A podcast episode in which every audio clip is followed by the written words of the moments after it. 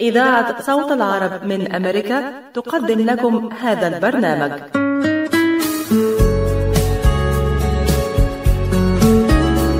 القهوة عالم يجمعنا بناس نشوفها نحبها ومن جوه قلوبنا تفوت. قلوبهم دايما شايلة حكاوي وذكريات. هنشاركها معاهم مع فنجان قهوة. أهلا بمستمعينا في كل مكان ولقاء يتجدد مع فنجان قهوة. معكم نتجول حول العالم ونأتيكم بفقرات ولقاءات نتمنى أن تضفي على يومكم بهجة وسعادة. هذا البرنامج يأتيكم برعاية. أهلا وسهلا شرفتونا. تفضلوا على الأكل. ما في أحلى من جمعة الحبايب على السفرة بال weekend. wow شو طيب ورق العنب؟ مثل اللي بتعمله ستي. صحتين حبيبتي والكبة كيف شفتيها؟ امم مثل ما بتعملها ستي وشو رأيك بالكنافة؟ الكنافة؟ لا مش معقول كنافة ستي مأكولات زياد نكهة الأجداد يتوارثها الأحفاد خالته فيني أسألك شو طابخة بكرة؟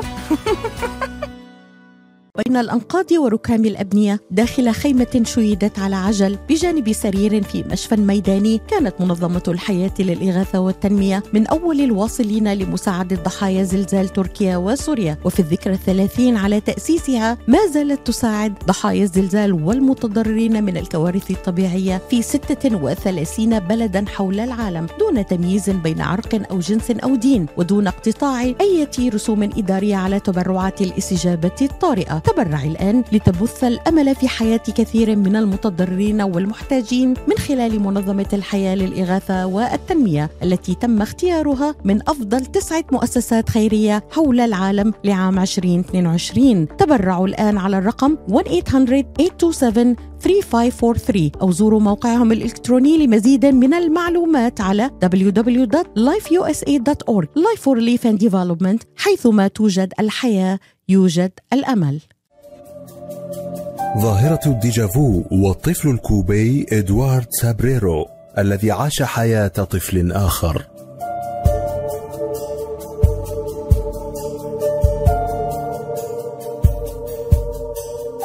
كان يتوقع أهل الطفل الكوبي إدوارد سابريرو أن يصبح مؤلفا مشهورا في يوم من الأيام. نظرا لخياله الواسع حيث كان بعمر ثلاث سنوات يتحدث دائما عن أصدقاء له اعتقد أهله أنه يؤلف مواقفا عنهم كما أنه كان لديه هوايات يكشف عنها لم يمارسها من قبل واخترع شقيقين له على الرغم من أنه لم يكن لديه أشقاء. وكان يقول إن اسمه الحقيقي باتشو سيسو. اعتاد المعارف والأصدقاء زيارة العائلة لسماع قصصه وحكاياته التي يؤلفها حتى وصل لعمر خمس سنوات. واستمع له أحد الأطباء من أصدقاء العائلة ولاحظ أن ثمة أمر غريب يحدث وهنا تغير كل شيء.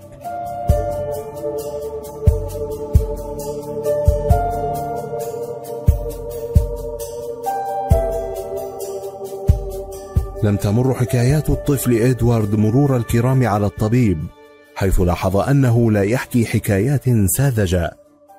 لكن حكايات منطقية ومترابطة وبها تفاصيل دقيقة.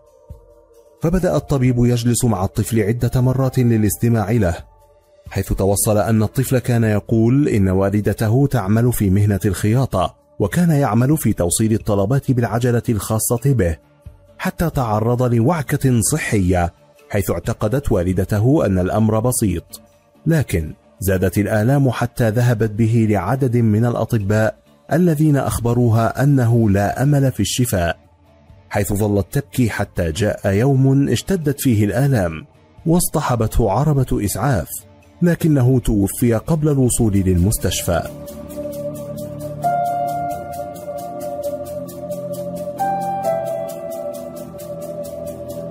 قرر حينها الطبيب وعائلة الطفل اصطحابه إلى المدينة التي كان يذكرها دائما وكانت على بعد ساعات من المدينة التي كانوا يقطنون بها.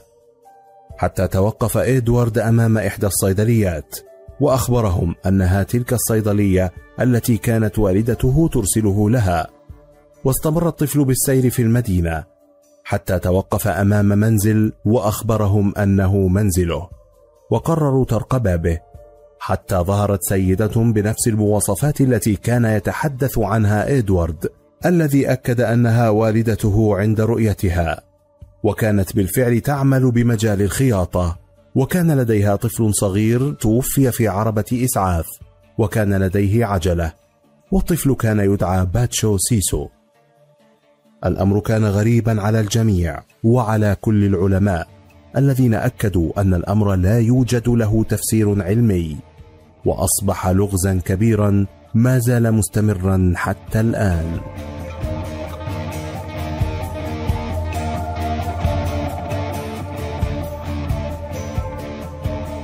منزل أتلانتا الدموي.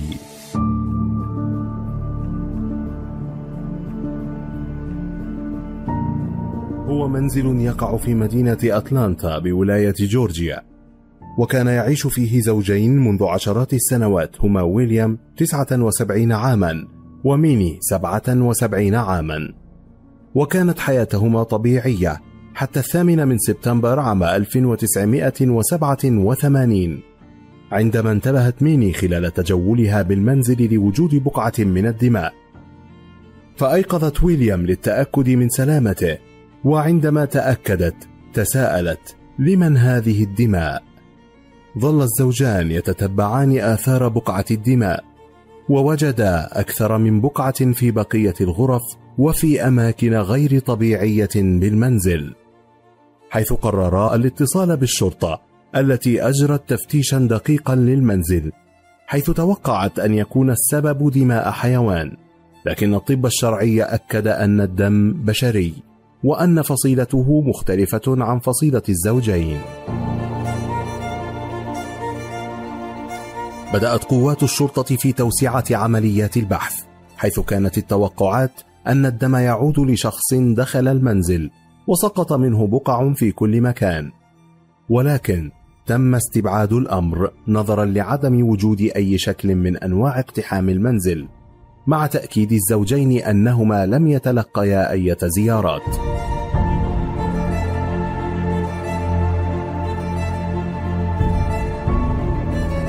لم تتمكن الشرطة من الوصول لأي نتيجة حيث أن الضابط المسؤول أوضح أنه لم يقابل قضية بهذا الغموض في حياته واضطرت لحفظ التحقيقات. ورغم حفظ القضية إلا أن الصحف تحدثت عنها وتحولت لقضية رأي عام وبدأ عدد كبير من الأشخاص يأتون لزيارة المنزل حيث أصبح المنزل الأشهر بالمدينة.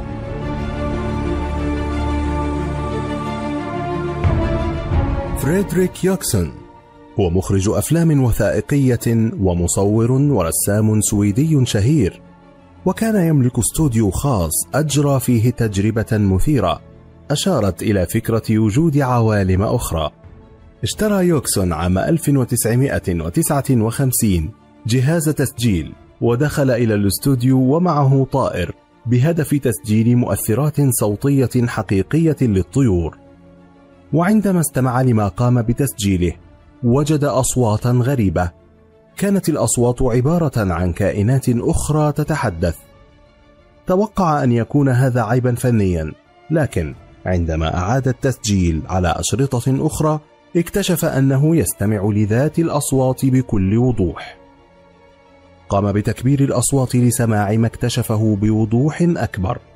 ووجد أنها أصوات بشرية تأتي من مسافة بعيدة كما استطاع تفسير بعضها. عندما تحدث عن هذا الأمر للصحافة اتهمه البعض بإثارة الجدل كما اتهمه رجال العلم بالخداع. لكنه قرر إثبات صحة كلامه فأحضر عشر علماء كشهود حيث سجل الأصوات التي كانت لديه في الاستوديو وعقب الانتهاء استمع العلماء لتلك الأصوات بوضوح. وحاولوا البحث عن أي مصدر لها مثل خلل بالتسجيل لم يجدوا أي شيء من ذلك ثم اعترفوا بما سمعوه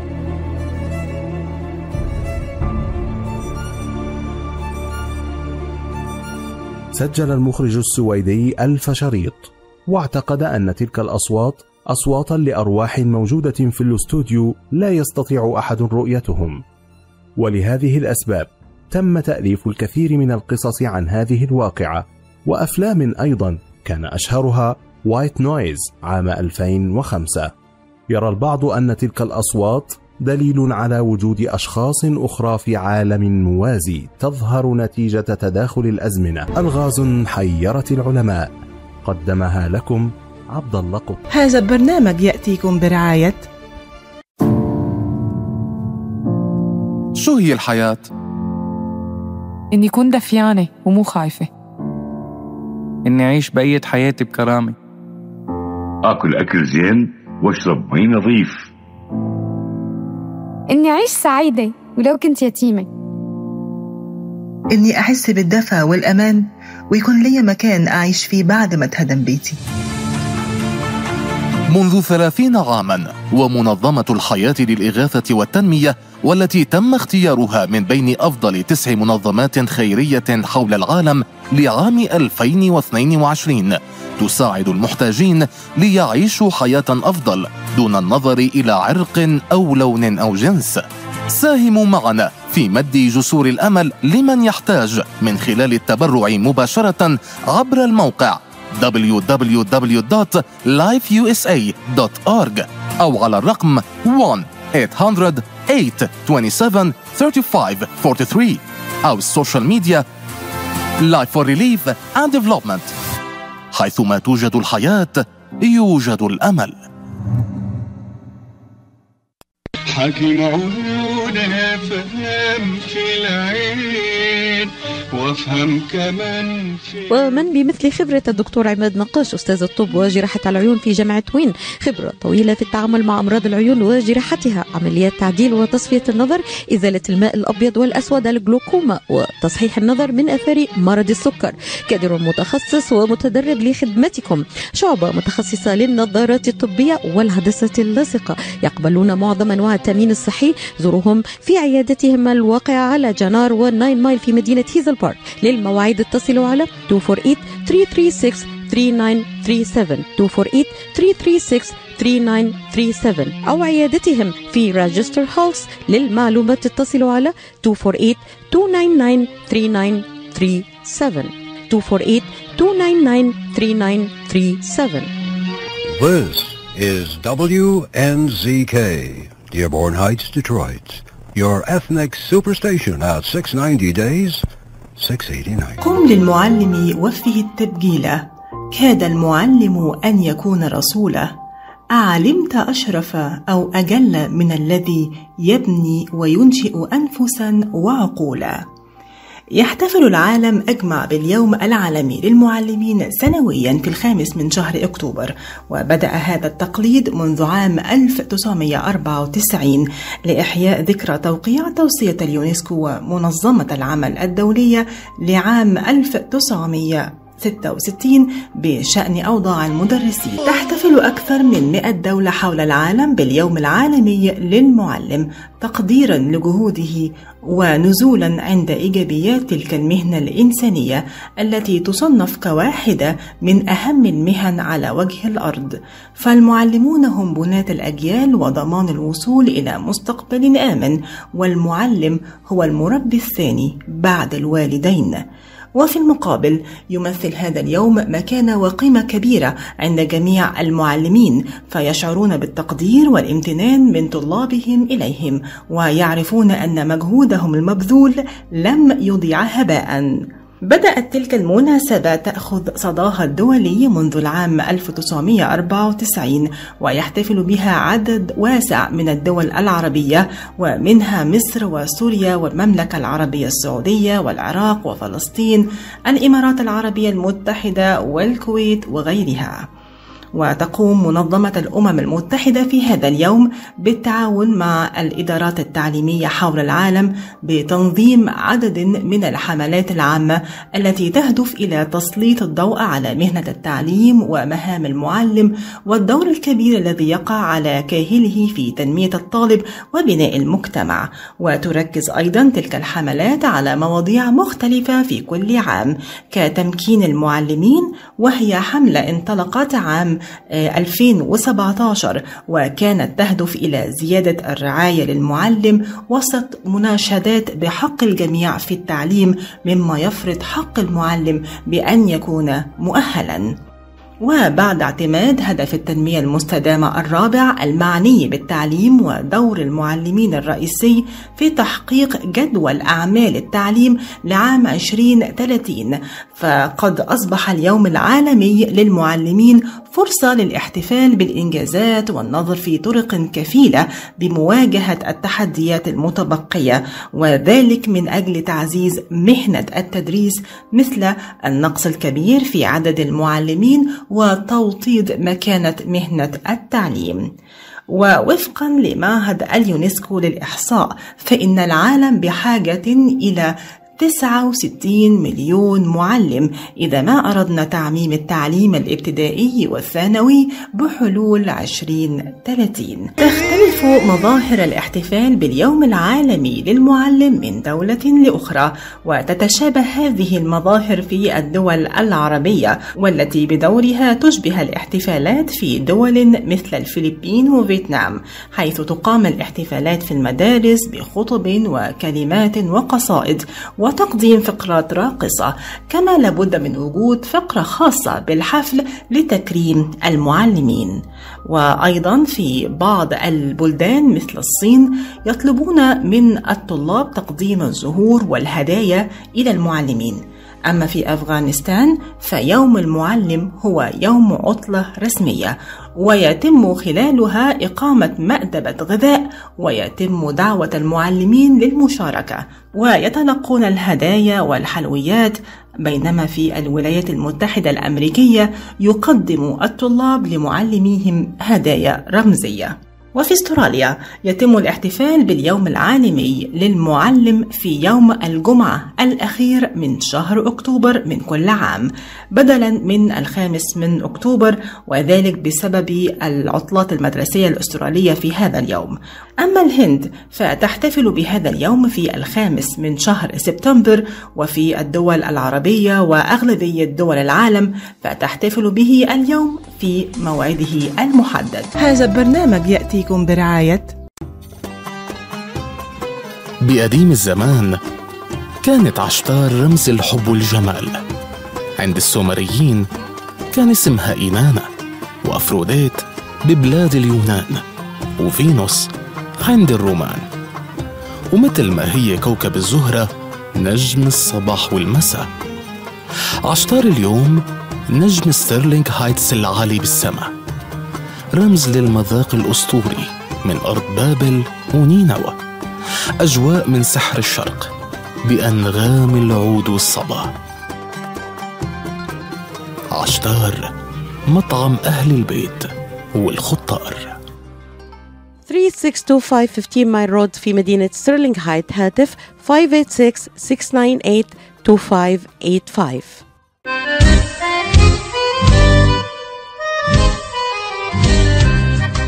New Concept Products and Design بإدارة نجي عبود هل تحتاج فتح مطعم؟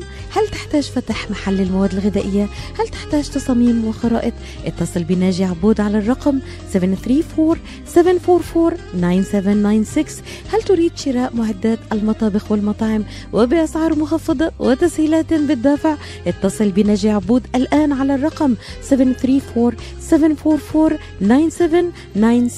خصم 5% عند الشراء ب 75 ألف أو أكثر على كافة المواد لمزيد من المعلومات زوروا موقعهم الإلكتروني على www.newconceptproducts.com أو زوروهم في موقعهم الجديد 31185 Schoolcraft in Livonia. ناجي عبود العلامة المميزة في عالم المطابخ This is WNZK, Dearborn Heights, Detroit. Your ethnic superstation at 690 days, 680 nights. يردد البعض كثيرا مقولة إن شهر أكتوبر هو شهر العظماء والسبب في ذلك يعود إلى أن عددا كبيرا من الأشخاص المهمين والمؤثرين في التاريخ ولدوا في هذا الشهر. منهم المخترع السويدي ألفريد نوبل وأسطورة كرة القدم البرازيلي بيليه ورجل الأعمال الأمريكي بيل جيتس وأيضا أمير الشعراء أحمد شوقي. وفي هذا التقرير نلقي الضوء على محطات من حياة رائد الشعر المسرحي الذي غادر الدنيا في ذكرى اليوم الذي أتى فيه إلى الحياة. أهلا بكم مستمعينا مستمعي صوت العرب من أمريكا. نتحدث اليوم عن شخصية من أعظم وأشهر مواليد شهر أكتوبر. أحمد شوقي. أحمد شوقي علي أحمد شوقي بك. هو كاتب وشاعر مصري يعد من أعظم شعراء العربية في العصور الحديثة ويلقب بأمير الشعراء. ولد أحمد شوقي بحي الحنفي بالقاهرة في السادس عشر من أكتوبر عام 1868 وتكفلت جدته لأمه بتربيته. ولما بلغ الرابعة من عمره التحق بكتاب الشيخ صالح فحفظ قدرا من القرآن وتعلم مبادئ القراءة والكتابة. ثم التحق بمدرسة المبتديان الابتدائية وأظهر فيها نبوغا واضحا كفئ عليه بإعفائه من مصروفات المدرسة. وانكب على دواوين فحول الشعراء حفظا واستظهارا فبدأ الشعر يجري على لسانه. وحين بلوغه سن الخامسة عشرة التحق بمدرسة الحقوق وذلك عام 1885 وانتسب إلى قسم الترجمة الذي كان قد أنشئ بها حديثا. وفي هذه الفترة بدأت موهبته الشعرية تلفت أنظار أستاذه الشيخ محمد البسيوني ورأى فيه مشروع شاعر كبير. بعد ذلك سافر إلى فرنسا على نفقة الخديوي توفيق. وقد حسمت تلك المرحلة الدراسية الأولى منطلقات شوقي الفكرية والإبداعية. وطوال إقامته بأوروبا كان فيها بجسده فقط بينما ظل قلبه معلقا بالثقافة العربية وبالشعراء العرب الكبار وعلى رأسهم المتنبي. لكن تأثره بالثقافة الفرنسية لم يكن محدودا. وتأثر بالشعراء الفرنسيين وبالأخص راسين وموليير. وفي عام 1927 بايع شعراء العرب شوقي أميرا للشعر. وبعد تلك الفترة تفرغ شوقي للمسرح الشعري حيث يعد الرائد الأول في هذا المجال عربيا. وله الريادة في النهضة الأدبية والفنية والسياسية والاجتماعية والمسرحية التي مرت بها مصر. أما في مجال الشعر فهذا التجديد واضح في معظم قصائده التي قالها. فقد كان الشاعر يملك نصيبا كبيرا من الثقافتين العربية والغربية كما أفادته سفراته إلى مدن الشرق والغرب. ويتميز أسلوب شوقي بالاعتناء بالإطار وبعض الصور وأفكاره التي يتناولها ويستوحيها من الأحداث السياسية والاجتماعية. وقد كان شوقي مثقفا ثقافة متنوعة الجوانب فقد انكب على قراءة الشعر العربي في عصور ازدهاره وصحب كبار شعرائه وأدام النظر في مطالعة كتب اللغة والأدب. وكان ذا حافظة لاقطة لا تجد عناء في استظهار ما تقرأ.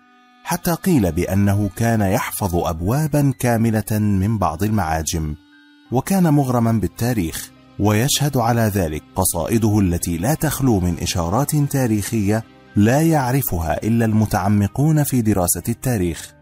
وقد نظم الشعر العربي في كل أغراضه من مديح ورثاء وغزل ووصف وحكمة وله في ذلك آياد رائعة ترفعه إلى قمة الشعر العربي. وعن أعماله. فقد جمع شوقي شعره الغنائي في ديوان سماه الشوقيات من أربعة أجزاء. ثم قام الدكتور محمد السربوني بجمع الأشعار التي لم يتضمنها ديوانه وصنع منها ديوانا جديدا في مجلدين أطلق عليه الشوقيات المجهولة.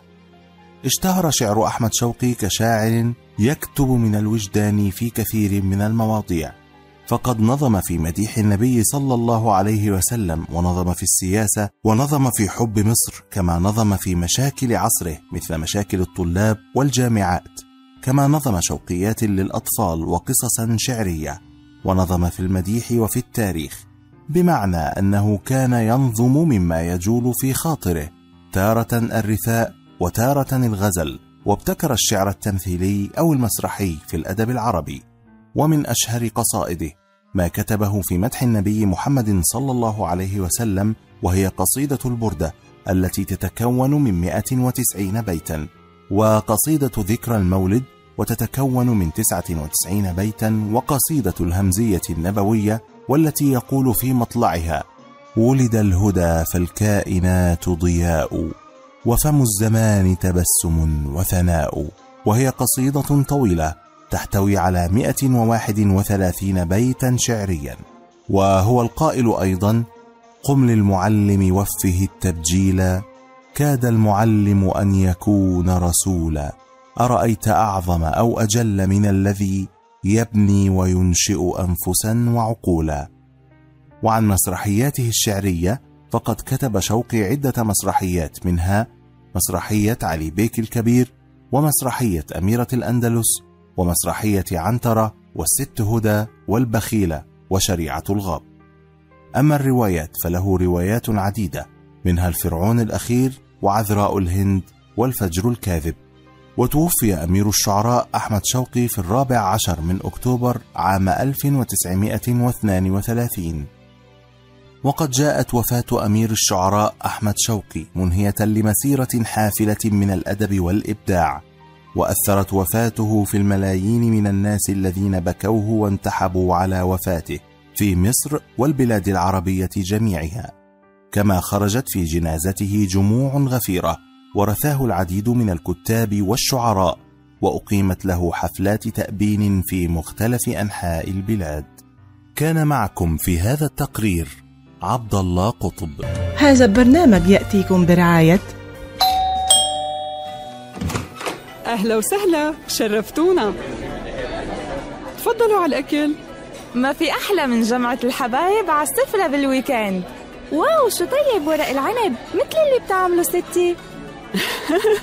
صحتين حبيبتي. والكبة كيف شفتيها؟ امم مثل ما بتعملها ستي. وشو رأيك بالكنافة؟ الكنافة؟ لا مش معقول. كنافة ستي. مأكولات زياد. نكهة الأجداد يتوارثها الأحفاد. خالته فيني أسألك؟ شو طابخة بكرة؟ حاولنا كتير. خلينا نحاول كمان مرة الكلفة كبيرة والاحتمال ضعيف. يعني ما في أمل؟ للأسف حبيبتي. هنالك أمل. لدى مركز إخصاب IVF ميشيغان الذي صنف من بين أفضل خمسين عيادة إخصاب في أمريكا وفق مجلة نيوزويك لعام 2023 ويعتبر الدكتور نيكولاس شما مؤسس مراكز IVF ميشيغان وأوهايو من أهم أخصائيي العقم في أمريكا حيث أجرى أكثر من عشرين ألف عملية طفل أنبوب ناجحة. حققت حلم الأبوة لكثير من الآباء والأمهات. وهو حاصل على البورد الأمريكي في أمراض النساء والتوليد والعقم والغدة الصماء التناسلية. الآن ولفترة محدودة. خصم ألف دولار للحالات المؤهلة لإجراء عمليات في عيادات IVF ميشيغان لمزيد من المعلومات يرجى الاتصال على 2489 IVF أمل يولد من جديد.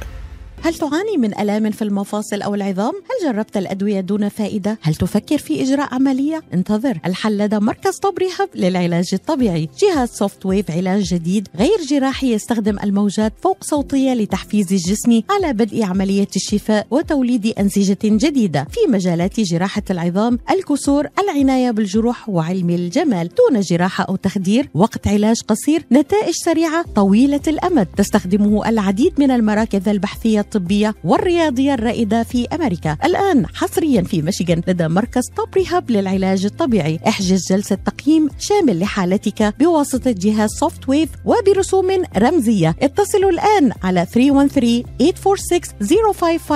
توب ريهاب Physical Therapy بإدارة أخصائي العلاج الطبيعي الدكتور محمد فرح حسين بخبرة أكثر من 20 عاما. اتصلوا الآن واحجزوا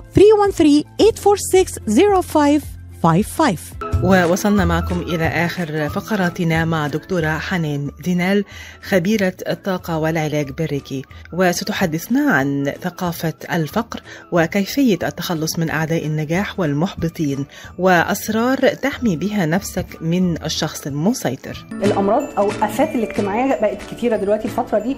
الناس من كتر الخوف أو إحساسها إن في غلا أو في عدم نجاح في آه، آه، آه، ناس في بطالة في في حاجات كتيرة قوي. فالناس ابتدت تحس من في حاجة بنسميها ثقافة الفقر. ثقافة الفقر دي اتزرعت في المجتمعات العربية أو المجتمعات ال- ال- ال- النامية زي ما بيقولوا البلاد النامية عشان يحصل نوع من أنواع التحكم السياسي. فاهمة إزاي؟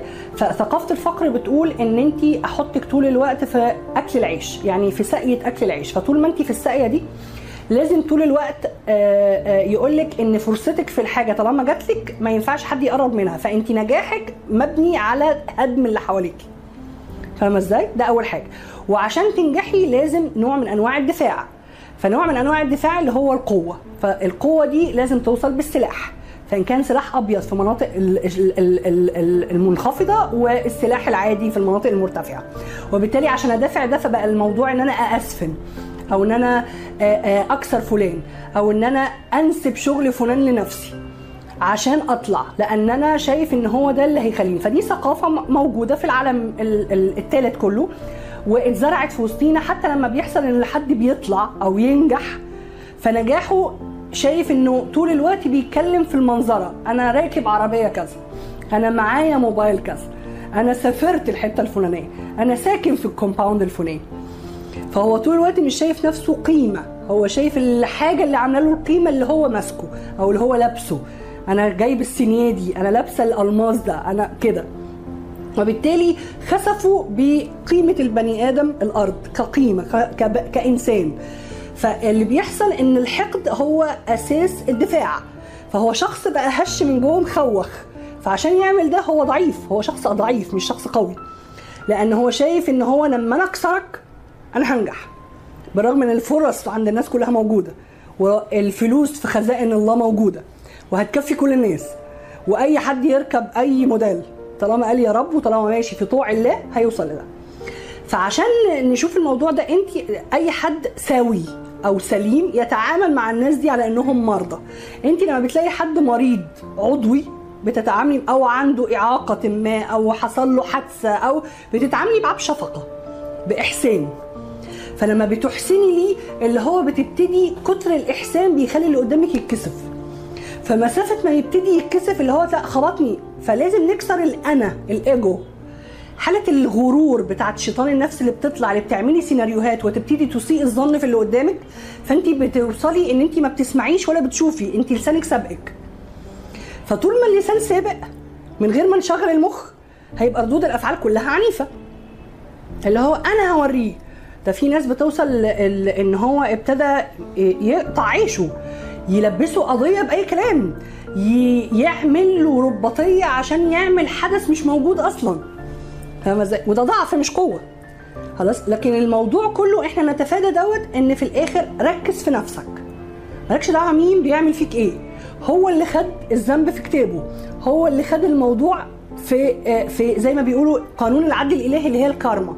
اللي هي داين تدان. فمين اللي اتداين هو مش انت. اصلها اتكلمت عليا. مين اللي اتكلم عليكي؟ هي. انت يخصك الموضوع في إيه؟ ولا حاجة. دي ضربتني في شغلي بكذا. طب هل اتأذيتي؟ لا. طب مين اللي خد الذنب؟ هي. فانت ما تاخديش ذنب في حتة ان انت تفضلي تردي. فهي دخلتك في دايرة الانتقام وبالتالي ضعفتك وهي دي اللي عايزاه يبقى طول ما هي حاسة إن انت قوية هي عايزة تدخلك في صراعات جانبية عشان ما تنجحيش.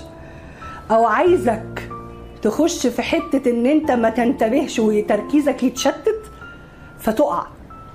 وبالتالي أنا ما اديلوش الفرصة دي وأركز في اللي أنا عايزه. أنا هدفي إيه؟ هدفي إن أنا أوصل للحتة الفلانية بركز على هدفي ماليش دعوة مين بيشتت تفكيري. مش قصتك. دي قصته هو. أنت عامل له كله في دماغه لدرجة إن هو بقى سايب حياته وبيفكر في حياتك انت. فبالتالي هو عمال يشحنك انت قوة. لأن هو مركز عليك انت مش مركز في حياته. فبيشحنك طاقة من طاقته هو. فمين اللي كسبان في الموضوع؟ انت. فركز. طيب ابتدى يضرني أو يأذيني. خلاص؟ أنا أتحايل على الموقف بذكاء. فاهم إزاي؟ طيب أنا قعدت مع حد منهم أقفل نفسي. أقفل نفسي إزاي؟ إن أنا إيدي اتقفلت أهي. خلاص؟ أو حطيت إيدي على بعض ورجليا اتقفلت من تحت. كروس ولساني طول الوقت ضارب في حلق بقي اقفل الغدة النخامية عشان ما تستقبلش أي طاقات وحشة. وبالتالي أنا قفلت على نفسي في القعدة. فمهما هو عمل مهما عمل مفيش. وفي نفس الوقت من الحاجات اللي بحب أقولها للناس حطوا على مكاتبكم أهرامات. عشان أي حد عمل لك حاجة الأهرامات دي تشحنك بالحلو تاني وتكسر الوحش. وحط زرع في, في المكان اللي انت بتشتغل فيه. بلاش صبار خلي الزرع الحلو اللي بينمو اللي بيتمدد. بلاش الزرع اللي ليه بوز في المكان بتاعك. ويا ريت لو نختار آه، منطقة الشرق أو منطقة آه، جنوب الشرق منطقة القبلة في المكتب بتاعك. شوف اتجاهها فين وحطها. حتى لو وراك. لو انت عندك مجموعة partitions في حتت كتير قوي ما بيبقوا الناس قدام بعضيها. خلاص؟ شوف الحتة بتاعتك وخلي منط- المنطقة بتاعتك مبهجة. أي حد يغير منك دي مشكلته إنه غيران أنت مالكش دعوة. الموضوع ما يخصكش في حاجة. أنت اللي عامله كله مش العكس. يعني هو بيحقد عليك فهو اللي تعبان مش أنت. خلاص؟ يبقى الموضوع كله في الحل بتاعنا زي ما قلنا أول ما أحس بضيق أو بعصبية أول حاجة أعملها أبتدي أعمل تمارين النفس أو أشرب مية أو أغير وضعي. لو أنا قاعدة أقوم. لو أنا واقفة أتمشى. خلاص؟ وأروح اتوضأ أو اغسل وشي وايدي عشان اهدى المية بتهدي بتطفي النار. نار العصبية دي أو نار التوتر أو الحاجات دي اللي بيطفيه المية. فيبقى نشرب مية ساقعة. ومن الحاجات المهمة جدا برضو ممكن نجيب زيت النعناع. زيت النعناع بيدي انتعاشة. فممكن نحطها في الحتت ال- ال- المناطق دي عشان تدي نوع من أنواع الانتعاش. فتحس إن أنت بتاخد نفس فبتهدى. أو نقعد ممكن ناخد زيت اللافندر. في انواع زيوت كده عطريه بتدي نوع من انواع النشاط وتجديد ال ال ال ال ال المزاج وال mood والحاجات دي. فلما بنحطها وبنستخدمها بتخلي الحياة تهدى. ودايما امشي ببخاخة مية ورد أو خليها في المكتب عندك. أول ما تحسي إن انت ابتديتي تتعصبي طلعي مية الورد ورشي في الجو وخشي جواها أو رشي داير ما يدور أو حطي مية الورد. ريحة مية الورد بتخلي ال- الأعصاب تهدى لحد ما نروح. يبقى إحنا في جميع الحالات إحنا مركزين. الحقد والكره والضرب وكل الكلام ده مش بتاعنا ما يخصناش. مسافة مركزنا فيه يبقى إحنا هنبتدي نشحنهم علينا. لا إحنا هو خليه هو يا عيني بيشحننا من طاقته لأنه بيفكر فيا وعمال يضرب فيا فهو يا عيني مستنفذ طاقته عليا. فأنا أستفيد من ده إن أنا أشتغل أكتر. لو خدنا بالنا إحنا ربنا سبحانه وتعالى لما خلق خلق سيدنا آدم خلق سيدنا آدم وعلمه الأسماء كلها. فلما علمه الأسماء كلها بقى هو يفضل عن بقية مخلوقات الله بالعلم. فلما طلب من مخلوقات الله طلب من المخلوقات كلها فيها حاجات إحنا ما نعرفهاش لأن إحنا مش عارفين خلق الله كله. فمنهم ذبذبه الحسد هي مخلوق من مخلوقات الله. ربنا بيوجهه لتأديب حد. فاهمه إزاي؟ أو لتخليص حاجة أو أو حاجات كتيرة قوي إحنا ما نفهمهاش. مش عارفين حكمتها. فطالما إحنا كبرنا الذبذبه اللي سجدت لسيدنا آدم يعني هي ضعيفة كبرناها. انت المثل بيقول لك لو أعطيت حد فوق قدره هيخسفك انت قدرك. مظبوط؟ طب انت اديتي للذبذبة فوق قدرها. هتعمل فيكي انت إيه؟ هتخبطك. يبقى زيها زي أي حاجة في الدنيا. ما تشحنيهاش بالتركيز فيها. طول ما بتركزي فيها هتشحنيها فهتكبر عليكي. فهتقدر عليكي فتخبطك انت. يبقى إحنا دايما ربنا قالها زي ما بيقولوا لي أصل الحسد مذكور في القرآن وأنا أقول لهم ربنا قال برضو في القرآن فالله خير حافظ وهو أرحم الراحمين. وقال وجعلنا من بينهم سدا ومن خلفهم سدا فاخشيناهم فهم لا يبصرون. يبقى في آيات كتيرة في القرآن بتدل إن دي ما تقدرش تخترقك إلا بإذن الله. وما هم بضارين أحد إلا بإذن الله. يبقى طالما أذن فيكي يبقى انت كبرتيها على نفسك فتستاهلي. يبقى أنا مشحنهاش يبقى مشحنش أي سلبي بالتفكير فيه. طول ما أنا مركزة فيه يبقى أنا بشحنه. أول ما اعمل له دروب خلاص؟ هيترمي من حياتي. زي بالظبط الناس اللي هي مركزة معايا وعمالة تحقد عليا وعماله فهي بتشحن بطاقتها فأنا أستفيد بده. فأنا ما أديهمش ما أديش أي ذبذبة سلبية. التركيز في دماغي زي الخوف. الخوف كل ما أركز فيه يحصل إيه؟ يوصل لفوبيا. فيوصل لمرض. الغضب. كل ما أشحنه وان أنا أفكر أنا عصبية أنا عصبية وافضل أقول أنا عصبية بدل ما كنت عصبية قد كده بقيتي عصبية قد كده أهو. حد يعمل لك كده أهو تروح متعصبة. فاهمة إزاي؟ فهي كلها ذبذبات. كل ما أفكر فيها وأركز فيها يبقى بشحنها. يبقى بديها أهمية. وطالما اديتها أهمية يبقى كبرت عليا. هتقدر عليا. وهتكسرني أنا. يبقى أنا الاكثر حل للموضوع التجاهل. يبقى أنا ما شحنتش فشديت الفيشة منها فوقعت جنبي. ما قدرتش عليا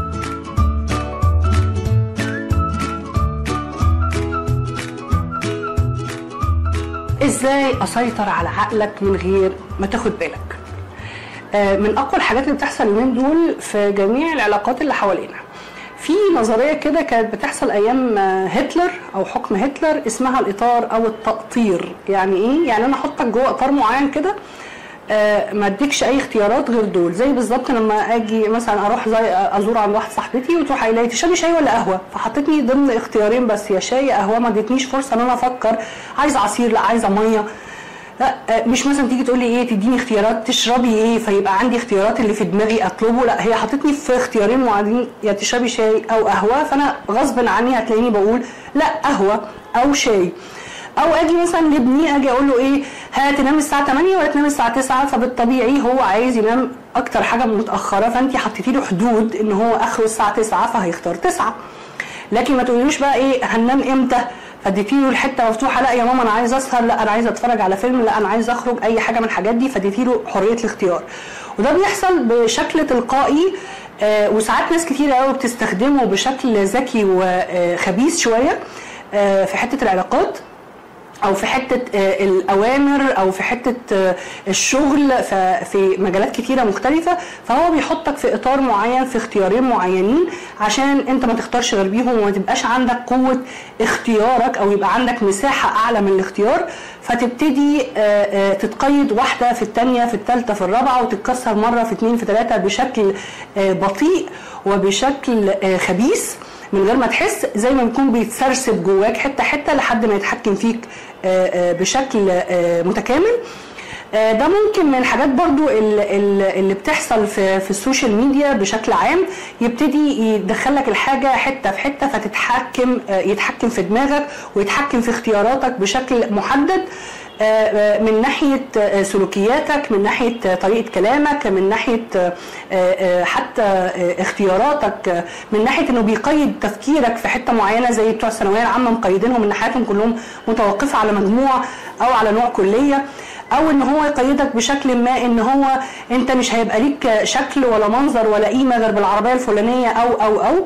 فكل الحاجات دي طبعا بتأثر على ناس كتيرة وبتحسسهم بالفشل وبتحسسهم بالقلة. وبالتالي بت- بتطلع آه، ناس آه، مشوهة ونفسيات مشوهة وعقليات مقيدة بشكل ما بحيث إن هم ما يبقاش عندهم قوة الاختيار إن آه، أو يعرفوا قدراتهم بشكل مناسب. خدوا بالكم تماما من اللي أنتوا بتشاروه خدوا بالكم تماما من اللي أنتوا بتقروه خدوا بالكم تماما من القيد اللي بيتسرسب آه، جواكم وبيتسرسب حواليكم والإطار اللي أنتوا بتتحطوا فيه وانتوا مش واخدين بالكم خلي عندك ذكاء فتح مخك اقرأ كتير.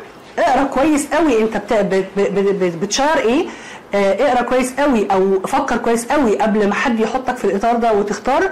أي حد يقول لك تعمل كذا أو كذا قول له لا أنا عايز حاجة محددة. يعني أنت بتبقى اوريدي عارف أنت عايز إيه. ما تخليش حد يقيد أنت قدرات آه، مهولة. لازم تحط في دماغك إن أنت مخلوق آه، من خالق هائل وسرمدي ملوش أول من آخر في- خلقه وإبداع خلاب ملوش أول من آخر. فأنت لا محفظتك ولا أنت مستواك الاجتماعي ولا أنت فلوسك ولا أنت بيتك ولا أنت وظيفتك. أنت مجرد بتمثل جزء معين فمثل أحلى حاجة في الدنيا. أنت صورة من الله. فخليك صورة تليق بالإله صورة تليق باللي خلقك أنت حد قدراتك عالية. لا ليها أول من آخر. جرب ما تخافش خش في الدنيا بصدرك حاول مرة واثنين وعشرة. مفيش حاجة اسمها فشل في حاجة اسمها إن أنا بيأس وما بكملش. لكن آه، النهارده لو أنت آه، حسيت إن التجربة دي آه، فيها غلطة معينة الغلطة دي آه، هتوصلك لحاجة أصح. لكن مفيش حاجة غلط آه، في الدنيا. هي فيها خطوات بتقع فيها عشان تقوم للحتة الأعلى منها اللي أنت ما كنتش واخد بالك منها. آه، آه، فكروا كويس. آه، ما تخلوش حد يتحكم فيكم آه، الدنيا براح والحياة حلوة. الفرص كتيرة جدا ومش معنى إن أنت عندك فرصة آه، إن غيرك ما عندوش ومش معنى إن أنا آه، عشان أحافظ على فرصتي إن أنا أكسر اللي قدامي. كل دي نقط ضعف وكل دي طريقة أو ه- آه، هشاشة آه، إنسانية. يا ريت آه، نتغلب عليها ويا ريت آه، نبتدي نطلع من الإطار اللي إحنا اتحطينا فيه. إحنا قوة بشرية آه، وإرادة عالية جدا قدرات آه، لا محدودة لأن إحنا خلق إله مش خلق بشر. ويا ريت تجربوا ده ويا ريت تدوا لنفسكم براح وتجربوا كل حاجة وما تخافوش. الخوف بيخاف. فخوفوا الخوف بشجاعتكم وبإرادتكم ودوسوا في كل حاجة وجربوا وإن شاء الله بإذن الله كل الخير ليكم. مستمعينا وصلنا لنهاية حلقتنا النهاردة من فنجان قهوة. على وعد بلقاء يتجدد دائما على أثير إذاعة صوت العرب من أمريكا. كنت معكم مروة مقبول.